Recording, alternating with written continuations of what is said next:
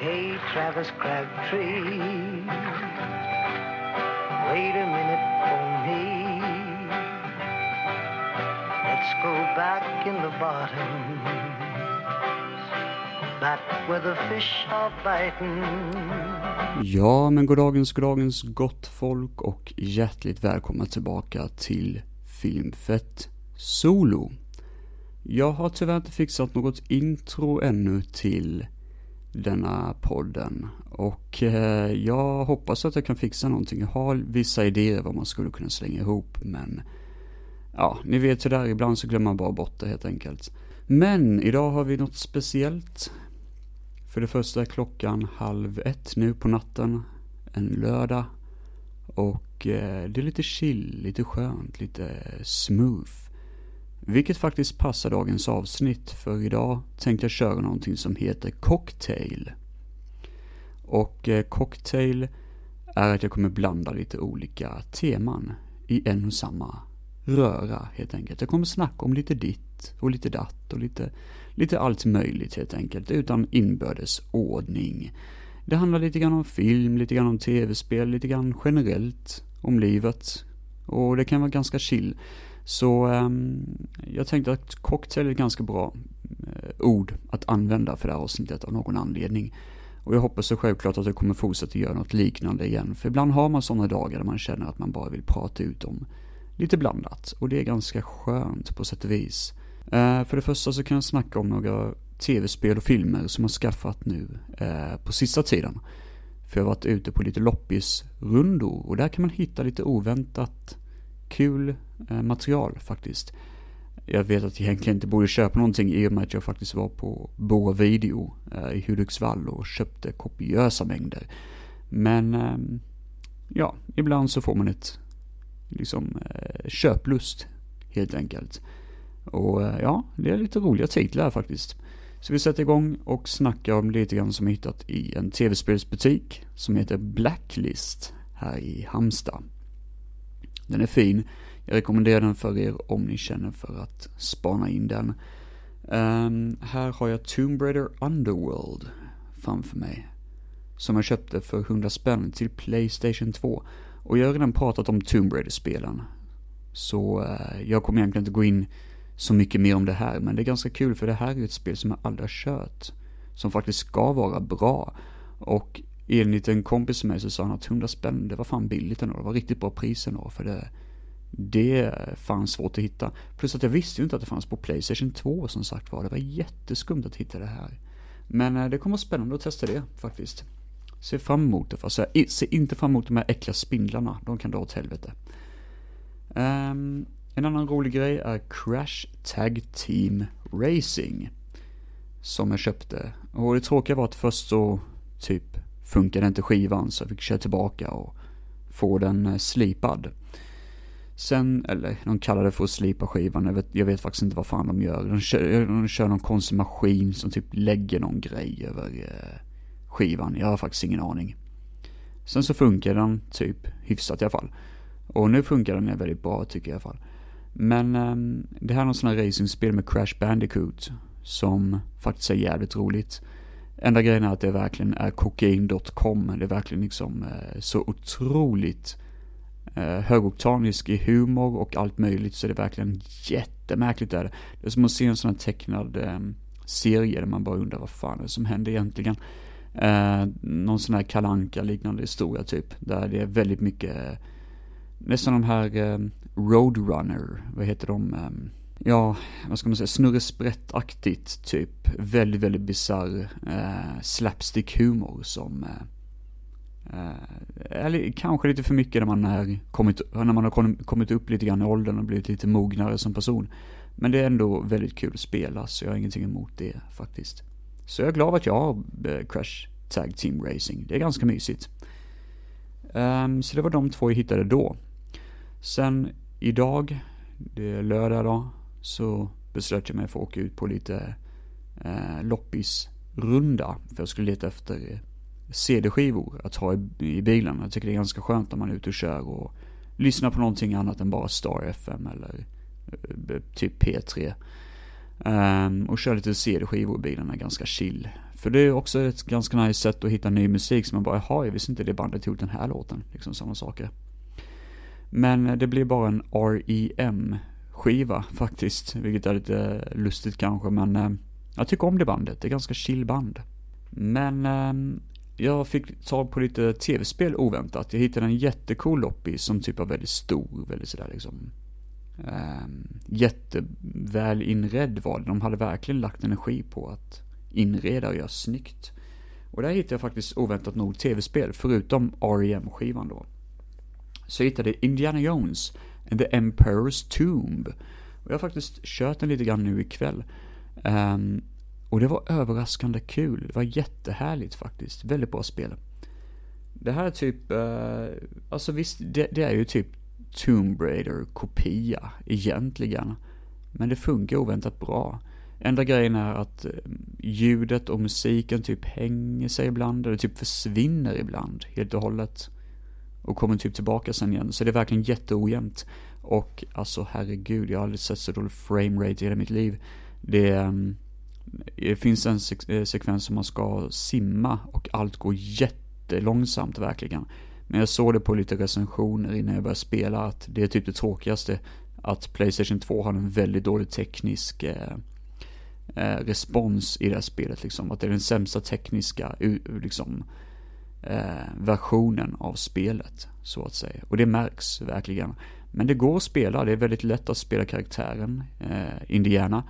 Och eh, musiken är riktigt episk faktiskt. Och det känns som att man är faktiskt Indiana Jones. Det är ingen sån här det, det är ingen skitsnack utan det är verkligen indie. Så det är kul. Uh, oväntat kul faktiskt. Det var mycket, jag trodde det skulle suga verkligen. Jag trodde att det här kommer ju fan inte vara kul. Men det var oväntat roligt. Så det var roligt att köpa sånt blint. 007 Nightfire. Ett James Bond-spel som är en av de bästa tydligen i serien. Och eh, jag har kört lite grann av det, om jag inte minns fel um, hos en kompis med mig. Och jag tyckte det var ganska kul. Jag för mig till och med jag lånade det, om jag inte minns fel. Jag vet inte fan, jag blir osäker faktiskt. Men ja, det, det är roligt. Jag gillar James Bond och ibland är man ju på humör för honom. Så det kan vara ganska kul att spela igenom och snacka lite om det också för er del med liksom. Um, sen hittade jag en film här för 10 spänn som heter Screamers, The Hunting. Jag har ju haft Screamers originalet från 90-talet tidigare. Men eh, av någon anledning har jag inte kvar den hemma. Jag kommer faktiskt inte ihåg varför. Jag tror inte jag har kvar den i alla fall. Nu blir jag fan osäker. Um, I alla fall, Screamers är någon typ av eh, robotar befinner sig på en planet, typ sån här. Och de har blivit så pass intelligenta att de typ börjar ta egna skepnader som människor och så. Jag kommer faktiskt inte ihåg hur de gjorde det, men de har typ utvecklats tillräckligt mycket. Och i ettan så springer Peter Weller från Robocop runt och försöker jaga efter de här robotarna och typ förstöra dem. För det har varit något krig på den här planeten, något sånt var det. Någon revolt eller vad fan det var. Um, och det här då uppföljaren, Screamers the Hunting. Med, uh, ja det finns lite kända namn faktiskt. Uh, vi ska se här. Ja, ah, okej, okay. Lance Henriksen är nog den enda kända som är med i filmen, verkar det som. Um, men eh, den är baserad på en bok av Philip K. Dick, som heter Second v v Vararity. wow, det uttalet ska jag inte försöka mig på igen. Men uh, Ja men det kan vara kul att se faktiskt. Eh, jag ser fram emot den. Det är nog lite mysrys tror jag. Lite, lite sån här mysig eh, typ eh, film. Kan jag tänka mig. Sen var jag inne på Myrorna också. De hade ju lite sköna titlar som var lite överraskande. Um, väldigt billigt med för de, de drog ner på priset 50% Så det gjorde att istället för att det kostar 100 spänn så kostar det 50 spänn. Så det är fett värt det faktiskt. Detta en Blu-ray som heter Valerian and the City of a Thousand Planets. Som tydligen ska vara, inte dålig men alltså man, det är en film som hade mycket eh, liksom möjligheter men failade totalt när den gick ut på bio. Vi har en person som heter Cara Delevingne. Jävlar vilket namn hon har. Jag känner igen henne, jag, jag tror hon har varit säkert med i typ Game of Thrones och sånt. Jag har faktiskt ingen aning, för jag, jag känner igen från hennes face i alla fall. Uh, hon ser lite sådär stone-faced ut, typ. Uh, och sen har vi Dane DeHaan. Och jag för mig det var han som var huvudrollen i um, A Cure for Wellness, tror jag den heter. Eller så heter den A Cure for Sickness, kommer inte ihåg det. Men i alla fall, han, är, han har väldigt speciellt utseende. Han ser ju jäkligt ung ut. Och jag för mig också det var han som spelade skurken i Amazing Spiderman 2, jag för mig. Han spelar typ Green Goblin där. Det var jättekonstigt att han var med i Amazing Spiderman 2. Jävla skum film överlag faktiskt där. Det är udda rulle. Men i alla fall, jag tycker han gör ett ganska bra jobb. Det är väl nog bara det att han har valt fel filmer typ. Jag tror Valerian faktiskt kommer vara visuellt riktigt cool att kolla på, men jag tror inte den kommer bjuda mycket mer på det. Um, det finns säkert någon intressant bakgrundshistoria bakom filmen också. Så det har varit väldigt kul faktiskt att snacka med den, uh, om den här filmen, för er där hemma. För det känns som att det är en sån film som hade typ Development Hell, eller något sånt. Sen har vi 1492, den stora upptäckten med Gerard Depardieu och Sigourney Weaver.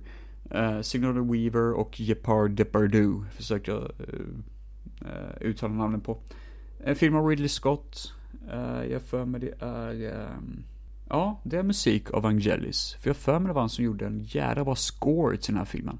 Jag har faktiskt aldrig sett den.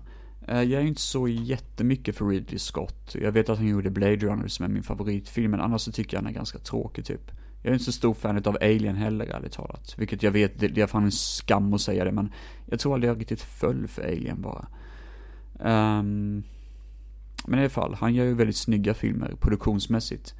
Och um, han har väl gått lite up and down, typ kvalitetsmässigt. Men den här filmen ser ut som en sån film som måste vara visuellt cool för att funka typ. Uh, det, det, är en sån här, uh, ja riddare vet jag inte om man ska kalla det för, men uh, det är en sån här upptäckare i alla fall. Jag vet faktiskt inte. Conquest of Paradise heter den på engelska. Men det är en sån här resande upptäckare typ som upptäcker något nytt land tror jag. Eh, ser lite cool ut i alla fall, så jag ser fram emot den. Vad den nu kommer bjuda på. Vi får se vilket århundrade jag kommer kunna se den, för jag ska se, jag för mig den är tre timmar lång eller sånt. Ja, ah, 2.22.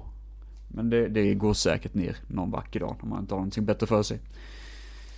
Sen har vi Pool Hall Junkies. Christopher Walken är med i den, och det är egentligen enda anledningen till att jag köpte den här filmen. Jag tyckte om titeln också, Pool Hall Junkies. Om några um, biljardspelare, tydligen.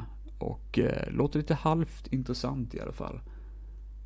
Men eh, det är någonting med en biljardmatch i alla fall. Låter lite halvkul. Ja, det kan vara en sån film däremot som man bara ser 10 minuter av och sen bara stänger av skiten. Det kan vara en sån film. Men jag är redo att riskera den risken faktiskt, för det kan ju också vara tvärtom. Jag menar, hade jag inte köpt exempelvis det där mm, Indiana Jones-spelet så hade jag inte vetat om hur bra det var. Och det var ju blindköp, i stort sett. Så man vet ju aldrig. Det... Sen har vi Late Faces. Jävla intressant varulvsfilm. Som jag recenserat på Filmfetts hemsida tror jag.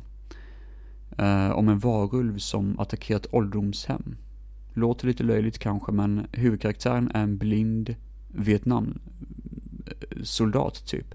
Som snabbt inser att det faktiskt är en varulv. För han inser snabbt att, okej, okay, personen som attackerar luktar som en blöt hund. Är väldigt, väldigt våldsam. Och eh, det händer tydligen under fullmåne, typ. Och han gör connection direkt att, ah, okej, okay, då är det en varulv vi har att göra med, typ. Och han är skitcool huvudrollsinnehavare. Sen så tycker jag varulven, eh, okej okay, när man ser hela varulven så ser den inte så bra ut, men det finns en riktigt cool eh, förvandlingsscen. När man får se hur varulven blir, en varulv liksom. Och det är snyggt, det är riktigt snyggt filmat. Ja men det här rekommenderar jag, Njut av Films utgåva också. Ehm, um, denna Ashbook är med jag, från eh, Twin Peaks. Och, ja vad fan står det, Tom Noonan tror jag han heter. Och det är han som spelade skurk i Robocop 2. Han spelade Kane, vill jag minnas. Sista filmen, High Fidelity, med eh, John Cusack. Och eh, vad har vi mer för kul här? John Cusack, Jack Black, Lisa Bonet. Uh, Tim Robbins som är tydligen, jaha, jag visste inte. Det här är ju en film som jag verkligen velat se, typ. Jag tror en 80-talsfilm faktiskt. Nej, 99 är det, va? Jaha. Fan vad skumt, jag var hundra på att det här var.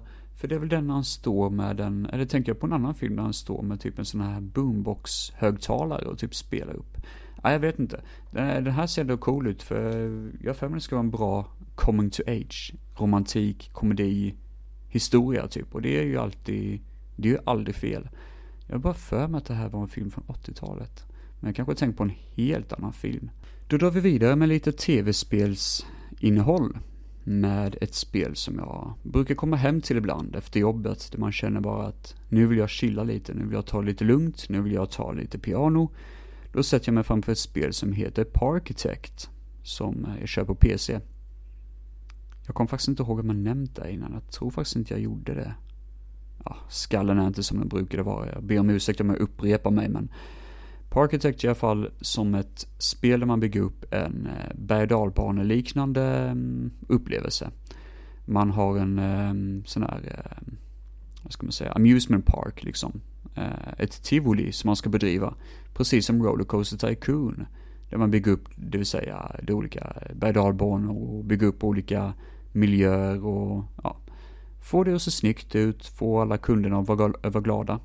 Men Parkitect är lite svårare, för visst det ser snyggare ut, absolut, och lite lättare att göra på sätt och vis, men det är också svårare för det handlar mer om att styra bakom kulisserna typ. För man måste sätta upp sådana här um, köpstånd och sånt, som karaktärerna eller besökarna kan gå och besöka och typ eh, handla. Men grejen är att de här måste skötas. Det måste komma leveranser till de här butikerna. De sköter inte sig själva. Och det gör att man måste anställa folk som kan bära sådana här stora lådor med varor till butikerna. Men de utrymmena får inte vara bland vanligt folk, för vanliga människor gillar inte att se folk komma gåendes med massa sådana här crates, typ, och med lagervaror och fylla på. Utan då får man köra det via typ egna gångar som ska gå bakom butikerna som man får bygga upp själv. Och de måste nästan byggas in liksom som hus bara för att folk vill inte se de här gångarna. Så man får verkligen tänka på att dölja allting som egentligen sker bakom kulisserna för att få företaget att funka, eller få allting att se snyggt ut. Och dölja det så bra som möjligt men samtidigt göra sina personaler, eh, alltså personalen väldigt glada. För de kan bli utarbetade också, måste ha ett restroom där de kan vila och så. Det måste man också bygga in och dölja. Och i början var det jäkligt svårt, men sen när man väl kom in i det så fattar man lite ungefär vad man ska göra för att få pengar, för att få tid att funka, för man kan ju pausa och bygga spel, i spelet, vilket är jätteskönt. Och sen så kan man då spola framåt i tiden väldigt, väldigt snabbt, men då får man vara snabb på och veta vad man ska göra liksom. Um, och det handlar helt enkelt om att bedriva hela verksamheten. Och det är ganska klurigt, svårare än vad man faktiskt uh, tror det är och betydligt svårare än um, eh, Rollercoaster Tycoon som sagt var. Men det är väldigt kul och väldigt avkopplande och väldigt värt det. Så jag rekommenderar Parkitect om ni tycker att det låter som ett kul spel. Faktiskt. Det var ganska billigt också och det finns någon DLC man kan köpa till också om man känner för det. Som sagt var jätteavkopplande och mysigt om man känner bara för att veva ner och eh, ta det piano en dag. För det kan man behöva i livet. Det var det om Parkitect. Nu drar vi vidare med en film av John Woo som heter The Killer. The Killer is great cinema.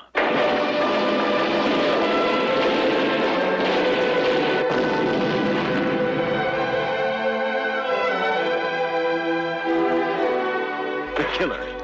Jag kommer säkert göra ett avsnitt och snackar om John Woo-filmer generellt, så jag är nästan helt hundra på det faktiskt.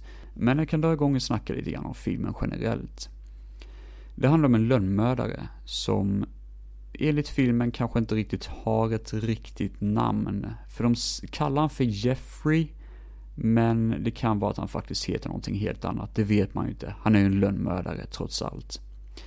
Han brukar avrätta mestadels gangstrar och skurkar som är beväpnade från första början. Ja, just det, detta är en asiatisk film ska jag säga förresten. Utspelar sig i Kina, har jag för mig.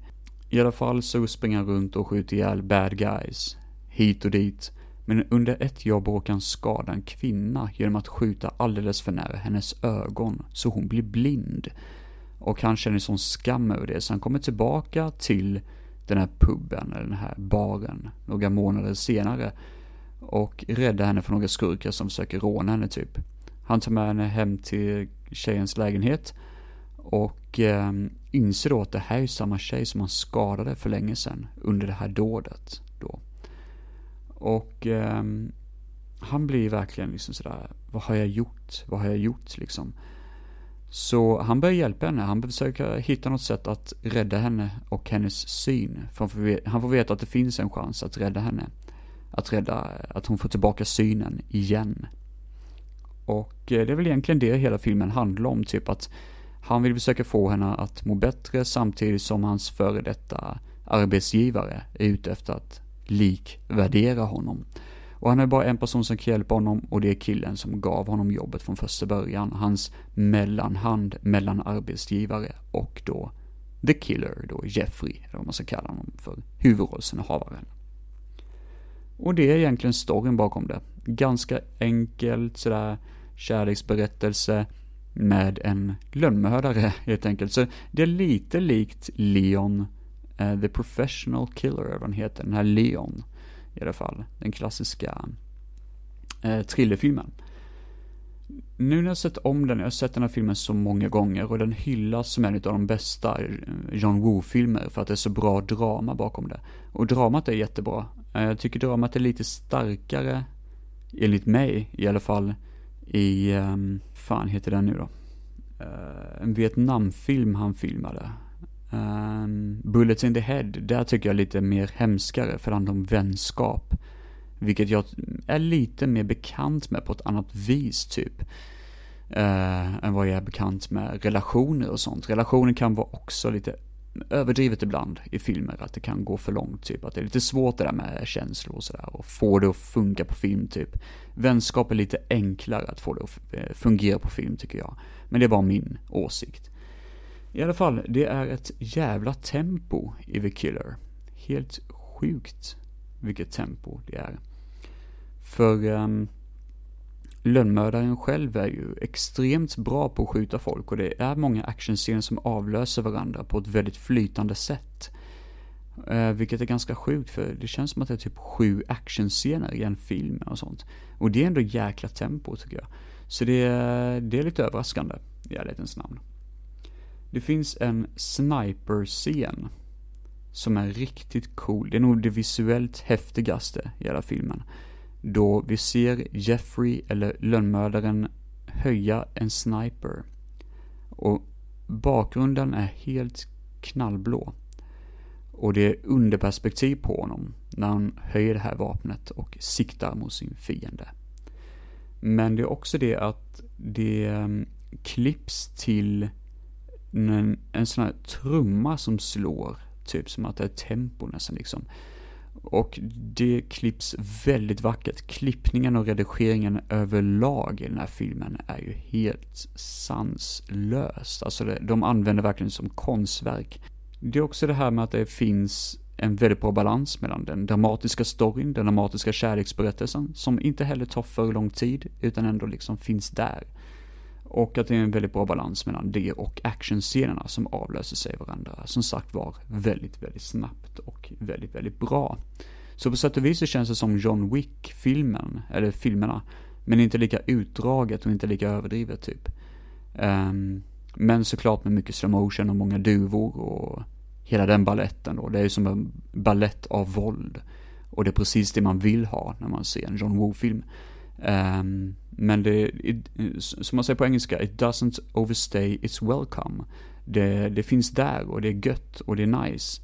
Men det finns inte där för evigt och det är det som är skönt också med den här filmen. Just det, i min DVD så finns en ganska rolig sekvens.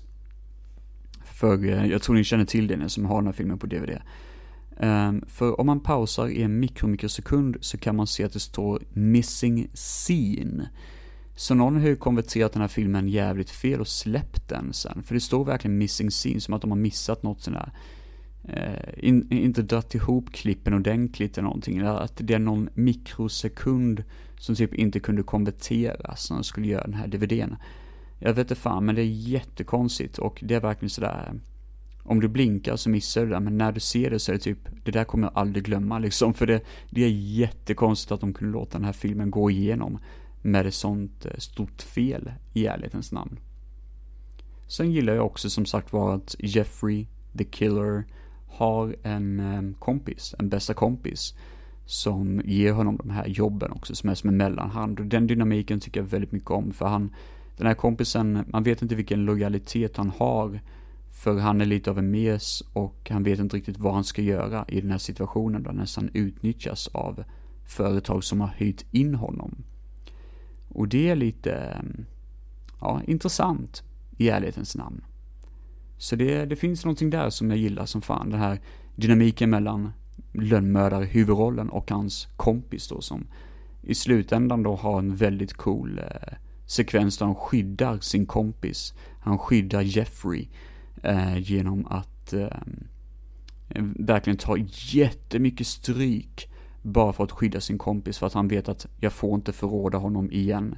Och det är så hårt, men det är också så otroligt vackert att se. Och det är väl det om filmen The Killer, jag tycker om den, den är riktigt bra, jag har pratat om den tidigare på Filmfett. Um, jag kommer inte ihåg när, det var jättelänge sedan jag recenserade John Woo-filmer. Och jag kommer troligtvis prata om den igen i Filmfett Solo, beroende på hur länge den här podden kommer fortsätta, det får vi ju självklart se.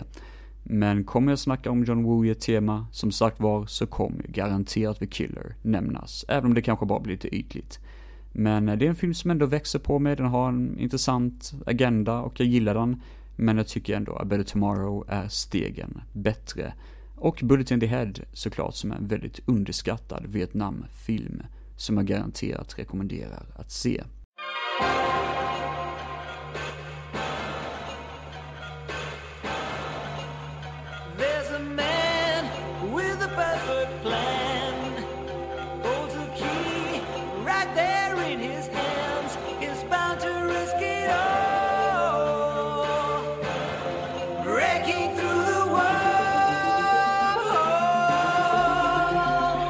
Nästa film heter Killing Cars och jag har pratat om den här på Filmfetts hemsida. Så ni kan gå in och läsa recensionen där om ni känner för det. Men jag vill ändå prata om den här med för det är så mycket som är intressant att säga om den här filmen.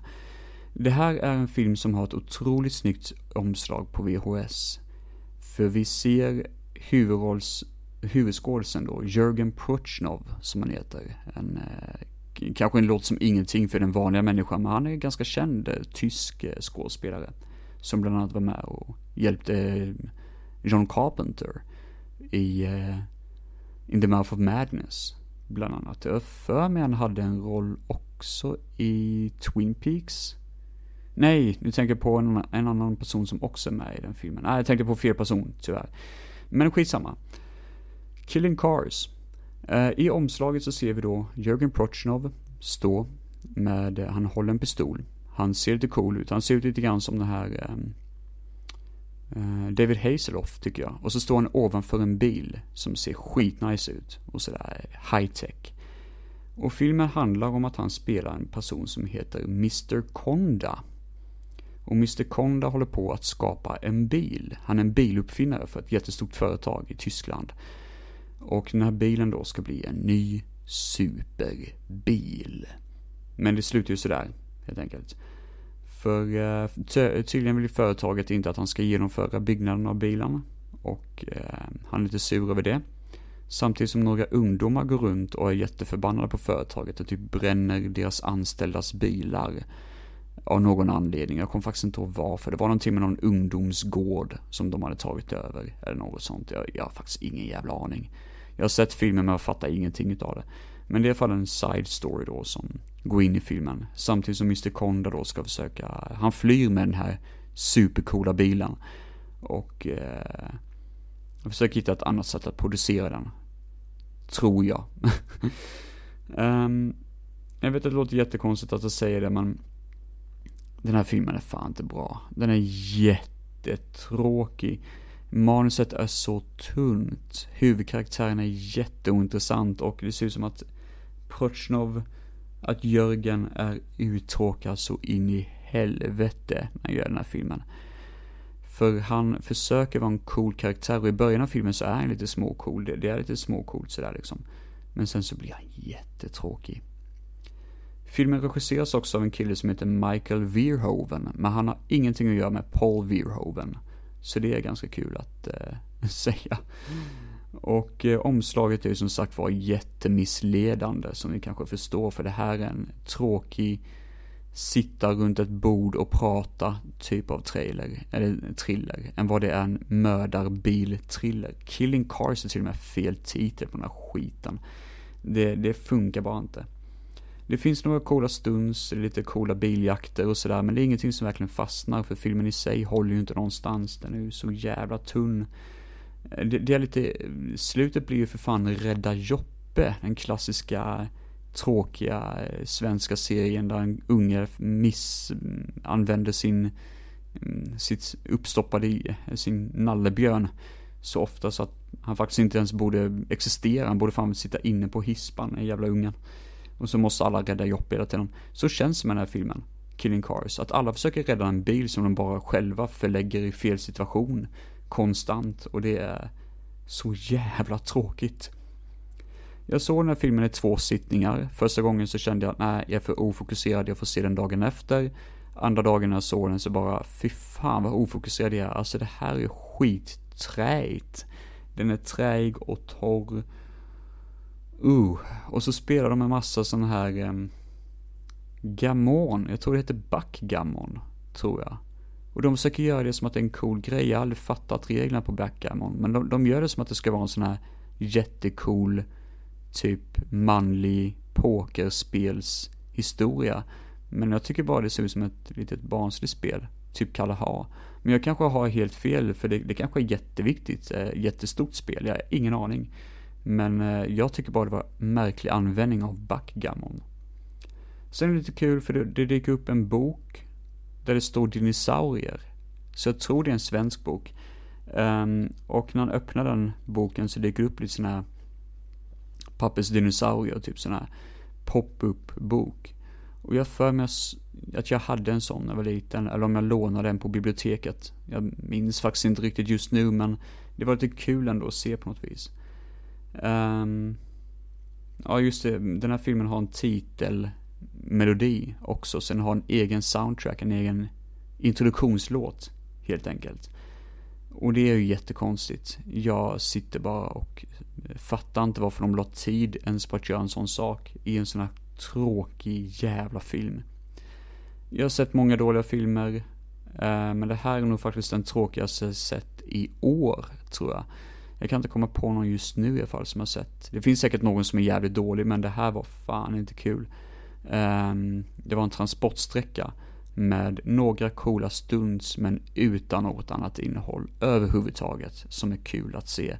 Renodlad skit som råkar ha alldeles för snyggt omslag. Det är nästan så jag vill sätta upp omslaget, alltså slänga själva filmen men bara hänga upp själva omslaget som en, eh, som en tavla nästan, för det är snyggt alltså. Men eh, ja, i alla fall, det var min lilla korta recension av Killing Cars.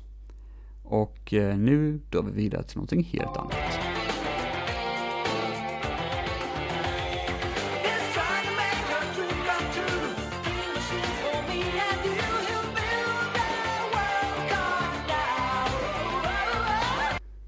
Vi ska iväg till ett litet samhälle som heter Boggy Creek.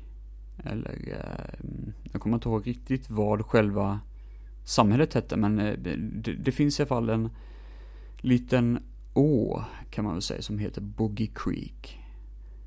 Och eh, det här är en film som heter Legend of Boogie Creek som filmades som en dokumentär. Så det är att han som har gjort den här filmen har tydligen trott att han gjort en dokumentär, typ. Så han har intervjuat folk som påstår att de har sett ett riktigt monster i den här eh, miljön då. En riktig Bigfoot, så att säga. Och eh, han intervjuar dem som att det är en vanlig film, alltså de får återuppspela deras situation, vad de har sett. sådär. Och har voiceover där de berättar hur det hela gick till när de såg det här monstret då. Det här håriga besten som springer runt och dödar djur och drar ut dem i skogen och så vidare. Och eh, det är egentligen grundidén bakom det hela. Så det är ganska intressant att se en spelfilm där karaktärerna faktiskt är inga skådespelare utan det är riktiga gubbar eh, som har sett där då. Um, och det är väldigt gubbigt, alltså i de första fem minuterna så får vi se typ en unge som springer över en äng och påstår att någonting har varit väldigt nära deras hus. Han säger detta till typ fem stycken som sitter och pratar i ett kök, tror jag det är. Och de här fem gubbarna, de är skitgamla. De är verkligen gubbar.com. Eh, och det märks att de har säkert bott i det här bondesamhället hela deras liv i generationer verkligen liksom. Sånt folk har vi att göra med. Det är ganska härligt ändå. Ehm, så han springer fram och berättar om det här och de småfnittrar lite och säger att det finns ingen Boggy Creek, att det är bara en myt. Och, ehm, eller Boggy Creek finns ju men att det finns inget monster ute, det är bara en myt. Men ehm, pojken springer tillbaka över ängen och sen så får vi då liksom hans voiceover, att han berättar att han kommer aldrig glömma vad som hände, vad han såg där ute den dagen. Och sen så drar filmen igång på riktigt då liksom. Och jag är väldigt glad att jag såg den här filmen på Blu-ray. Det var en kompis med mig som hade, eh, hade köpt den faktiskt. Jag vet inte var han fick ta på den någonstans. Men det schyssta är att den har faktiskt eh, riktigt snygg transaktion kvalitet. För han visade också hur hans VOS såg ut och det var ju en jävla skillnad. Man kunde knappast se någonting på VOSen eller höra någonting heller för den sakens skull. Eh, plus att ljudet är mycket bättre, plus att eh, det är textat på engelska, vilket är riktigt underlättande. Så det här är tydligen en väldigt stor sån här kultfilm som heter Legend of Boggy Creek. Um, och det är ju lite eh, väldigt sån här lågbudget kultfilm som väldigt få personer känner till. Den har till och med lite merchandise som man kan köpa via nätet tydligen. Typ kepsar och någon eh, hoodie kan man köpa och ja, någon poster tror jag det är. Och postern och själva artworken på filmen är riktigt snyggt faktiskt. Det ser coolt ut.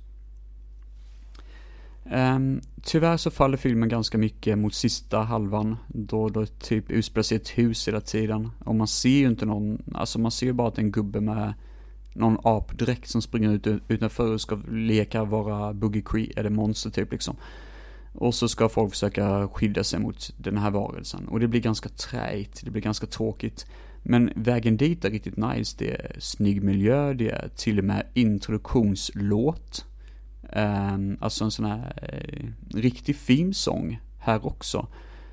Det sjuka är däremot att en karaktär har en filmsång. Nu kommer jag inte ihåg vad fan den heter, men jag får se om jag kan hitta den på nätet och eh, spela upp ett litet soundbites till er.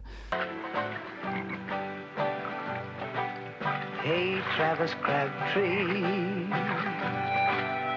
Wait a minute for me go back in the bottom,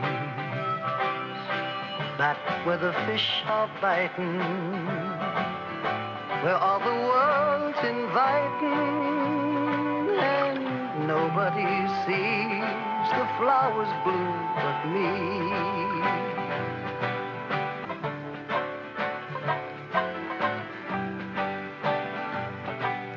Hey, Travis Crabtree. Um, för den här karaktären har en egen filmsång, typ. Men han gör ju ingenting i den här filmen.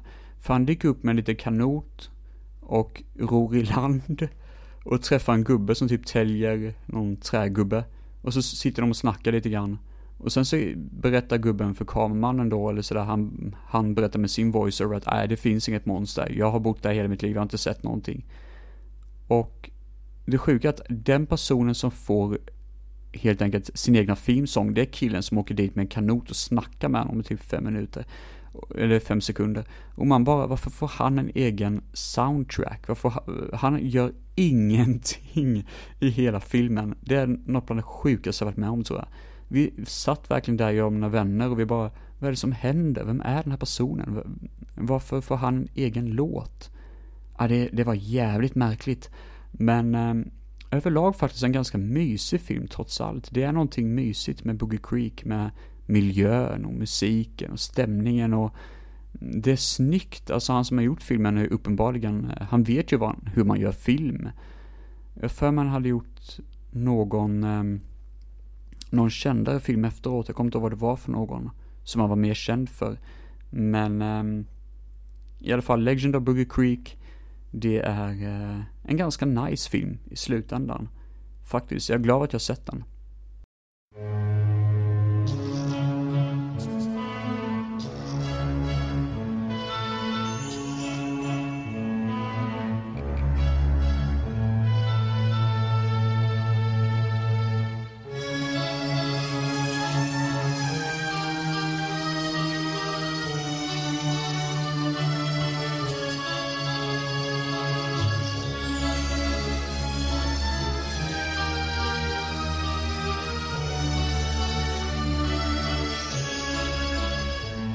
Nu drar vi vidare från träskmonster och eh, storvuxna apor, eller eh, Bigfoots det vill säga, till en helt annan ställe, till ett annat ställe.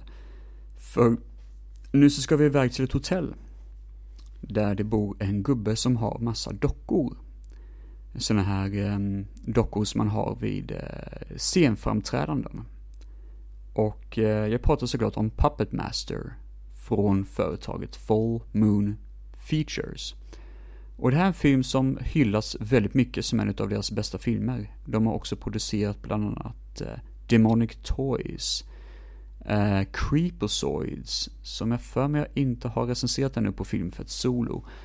Eller på Filmfetts hemsida. De har, jag kommer faktiskt inte ihåg vad mer de har gjort just nu. Jag för mig de hade någonting att göra med Reanimator. Tydligen har de det. Och det är ju den största enligt mig då deras kändaste film. Men uh, Puppet Master är tydligen den som alla fans älskar mest av deras produktioner. Och det säger en hel del om hur dålig kvalitet de egentligen jobbar med. För Full Moon Features har en väldigt stor kultstämpel som en av de största lågbudgetfilmföretagen. De grep tag i VHS-tekniken och eh, skapade en massa filmer direkt till VHS och eh, fick en ganska stor eh, uppmärksamhet för det. Men jag har aldrig riktigt fallit för deras eh, produktioner i ärlighetens namn. Jag tycker inte de har varit särskilt bra. Det utspelar sig i fall i ett hotell. Vi får se eh, den här dockmästaren då. Några nazister knackar på på hotellrummet och han gömmer typ sina dockor i en vägg. Och de här dockorna kan röra på sig. Så, han gömmer dem i ett sånt här väggutrymme och skjuter huvudet av sig. Flera år senare i nutid så är det några sådana personer som har psychic powers, psykiska förmågor. Och de börjar drömma konstiga saker och se konstiga saker och inser att det har någonting att göra med det här hotellet. Så de åker dit bara för att inse att en person har typ tagit självmord, eller dött under väldigt konstiga omständigheter i alla fall. Och um, de inser det att de måste vara kvar tills begravningen är över. Och jag fattar inte riktigt vad de alla har gemensamt, men jag tror det är en sån här community, att allihopa hade psychic powers, inklusive han som eh, då dog i det här hotellet. Men såklart så dyker det upp de här konstiga dockorna och ställer till med lite trubbel. Typ, eh, börjar döda dem en efter en, och man fattar inte riktigt varför egentligen. Det finns en cool scen som är, eller förutom öppningsscenen, för öppningsscenen är lite småkul med den här eh, dockmästaren. För det eh, sätter upp en stämning i filmen. Men sen är filmen jätteseg. Eh, men det finns däremot en riktigt cool scen då en kvinna dör av att en docka med en borr på, ett huvud, på sitt huvud springer fram och borrar skiten ur henne så att hon typ dör. Och sen så är det någon docka som typ har, en liten sån här docka som kan spy ut um, iglar, blodiglar som suger en persons bröst till han dör. Tror jag. Men det måste ta en evighet. Det var det vi sa att det visst det ser kul ut men det, det kan ju fan inte ta fem minuter för honom att dö typ. Det måste ta fem timmar typ liksom och ingen har märkt att han sitter där och skriker och ja, jag vet inte. Det, det var lite löjligt i alla fall. Men jag ska väl säga att Puppet Master är en jäkligt seg film. Nu såg vi den utan text också, det är jäkligt mycket dialog. Och det var, det var exakt så tråkigt som man minns att den var, men faktiskt tråkigare. Och jag har bara svårt för den här typen av tempo. Och jag tycker ju att de här Full Moon Features är mestadels sådana här filmer. Um, nej, jag har jävligt svårt att se charmen i det, i ärlighetens namn. Men det finns folk ute som älskar de här filmerna och gör ni det så sure, be my guest. Men jag tycker faktiskt Puppet Master är inget att ha, um, dessvärre. För mycket snack, för lite verkstad. Tvåan är ganska småkul och trean har jag sett också, den är också ganska kul. Men ettan är garanterat inte värd att se. Och överlag så tycker jag inte man ska sätta tänderna i de här filmerna. En rolig liten trivia, eller två roliga trivios. Säger man trivios när det är fler än en trivia? ja, skitsamma. Um, en rolig sak är att Puppet Master Zero, som var typ ursprungsfilmen, där ser vi en ung Greg Sestero. Och det är han som medverkade i The Room som karaktären Mark. Så det var faktiskt hans första roll i en film, hör för mig. Och det nämns till och med i boken The Disaster Artist om hans liv bakom eh, The Room, så att säga. En annan rolig trivia är att det görs en ny film på Puppet Master. Och vem är det som gör den? Jo, det är företaget eh, Stockholm Syndrome som bland annat gjort Vittra, så det är ett svenskt företag, eller svenska regissörer som jobbar bakom filmen. Det är ju kul. Den är nog faktiskt till och med klar nu när jag tänker efter, men det är bara det att den här typen av film får inte så mycket uppmärksamhet på svensk marknad. Eh, eller amerikansk marknad heller, man får ju leta lite grann om man ska få ta på de här titlarna. I eh, filmhyllan, så att säga. Men det är lite kul, food for Fart, gällande Puppet Master. Det här avsnittet börjar lida mot sitt slut, märker jag. Och eh, jag hade lite andra saker jag skulle snackat om ursprungligen. Jag skulle snacka lite grann om en film som heter The Rocketeer. Och så skulle jag snacka lite grann om Color Out of Space. För det är två filmer som jag sett för inte så länge sedan. Men jag kommer ta det vid bättre tillfällen istället. För det är, det är ändå filmer som kräver nästan att ha sitt egna tema. Eller vara involverad i något speciellt. The Rocketeer är en superhjältefilm. Så man skulle kunna prata om eh, back-to-back kanske med Darkman, bland annat. Eller något, så, eh, något sådant, helt enkelt. Eller kanske till och med ha eh, en gäst med när man ska snacka om The Rocketeer. Jag tänkte också snacka lite grann om Color Out of Space. Eh, den underbara filmen med Nicolas Cage, som sagt var. Men det kan man ju ta antingen med Nicolas Cage-tema, eller vid H.P. Lovecraft tema, för det här är baserat på en film, eh, baser, alltså är baserad på en story av H.P. Lovecraft. Eller kanske till och med ett tema baserat på uh, Richard Stanley, filmens regissör, så där har man lite olika möjligheter med hur man vill välja att göra med Color Out of Space. Men det är roligare att göra det på ett tema när vi går in lite grann mer i djupet på just de sakerna. Men, um, jag kan snacka lite kortfattat om lite andra roliga saker, tänkte jag. För det första så funderade jag lite grann på att göra ett tema på Marvel Comics Universe. Där jag snackar om alla de här offentliga Marvel Comics-filmerna. Det finns nog två filmer som jag inte sett hittills däremot. Och det är Captain Marvel och det är Spiderman Far From Home. Annars har jag sett resten av filmerna från första Iron Man från 2008 till eh, Avengers Endgame. Och det är ju lite hit and miss, det är vissa saker som funkar och vissa saker som inte funkar. Så det hade varit kanske ganska intressant för er att lyssna på Marvel Comic Universe tema. Ni får helt enkelt höra av er om ni tycker att jag borde sätta tänderna i ett sådant tema framöver. Eh, annars då? Jo, jag håller ju på lite grann med kortfilmsinspelningar ibland. Och det hade varit ganska kul att göra ett retrospekt-tema där jag pratar lite grann om filmerna som jag medverkat i eller varit involverad i både positiva saker och både negativa saker. För tro mig, det finns mycket av blandat. Men det var kul faktiskt att snacka lite grann om det, för generellt är ju film jävligt roligt och jävligt brett och kul. Och man vill ju inspirera folk till att följa sina drömmar. Så där har vi någonting kanske att gå på. Eh, om man känner för det, helt enkelt. Eh, sen har jag också den här trilogin som jag jobbar på just nu då. som heter Arcane-trilogin. Det började med en film som heter This is Arcane, fortsatte med Arcane Nightmares och just nu så vet jag faktiskt inte vad jag ska göra med trean. Jag vill göra en tredje film och i inspelande ögonblick så har jag faktiskt en idé, men om det kommer hålla det vet jag faktiskt inte förrän jag sätter tänderna i att faktiskt börja skriva manus och börja bearbeta det hela och se hur man kan genomföra det och så vidare. Um, men det hade varit jäkla roligt att sätta igång med det någon gång fram, framöver och göra klart den här trilogin med Arcane. Och um, sen en annan rolig grej är det att det här är första året som jag kan komma på på väldigt, väldigt länge då jag faktiskt kommer ta semester i två veckor. Och det är så jävla gött och behövligt. Jag menar, nu är jag 28 år och eh, jag har jobbat järnet hela, hela tiden. Jag har typ aldrig tagit semester, jag har typ alltid varit workaholic och satt ett jobb i förhand. Um, vilket inte är bra alls. Det känns ju nästan som att man faktiskt flyr från någonting om man gör det. Man kanske flyr från ensamhet eller någonting, jag vet inte riktigt. Men eh, det kommer vara riktigt skönt att försöka andas ut, hitta sig själv och njuta av två veckors ledighet. Eh, ni har gjort en liten lista också på lite saker jag behöver genomföra under den här ledigheten då. Så att jag slipper sitta och känna mig ensam och känna mig, eh, få de här ångesttankarna som man försöker fly undan ibland. Man är ju människa trots allt. Och det är så livet är.